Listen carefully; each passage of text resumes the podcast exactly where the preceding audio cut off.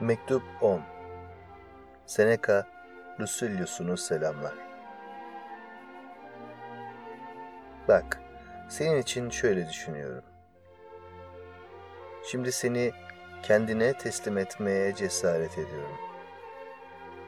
Anlattıklarına göre Krates, şu ünlü Stilbo'nun dinleyicisi Krates, bir delikanlıyı ıssız bir yerde dolaşırken görünce orada tek başına ne yapıyorsun diye sormuş.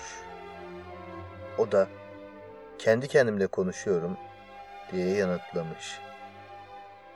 O zaman Krates sakın ha çok dikkat et rica ederim kötü bir insanla konuşuyorsun demiş. Bir insanı yaslıyken, korkuluyken, kuşkuluyken yalnızlığını kötüye kullanmasın diye koruruz ya hep.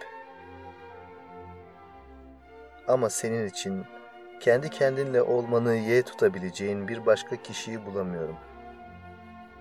Ne büyük bir cesaretle söylediğin o çok güçlü sözleri anımsıyorum. Kendi kendimi kutlamıştım hemen de. Demiştim ki bu kelimeler onun ağzından, dudaklarından dökülmüyor. Bu sözlerin temeli var. Bu adam sıradan halktan biri değil, kurtuluşa doğru çevirmiş yönünü.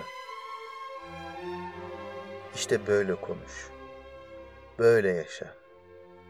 Dikkat et de hiçbir olay seni yere sermesin. Her zaman yaptığım gibi mektubu bir küçük armağanla birlikte gönderiyorum.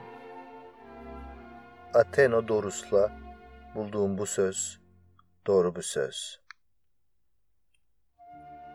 Ulu Tanrı'dan herkesin önünde isteyebileceğin bir dilekten başka hiçbir şey dilemeyecek kadar olgunlaştığın zaman işte ancak o zaman bütün aşırı isteklerinden kurtulduğuna inan.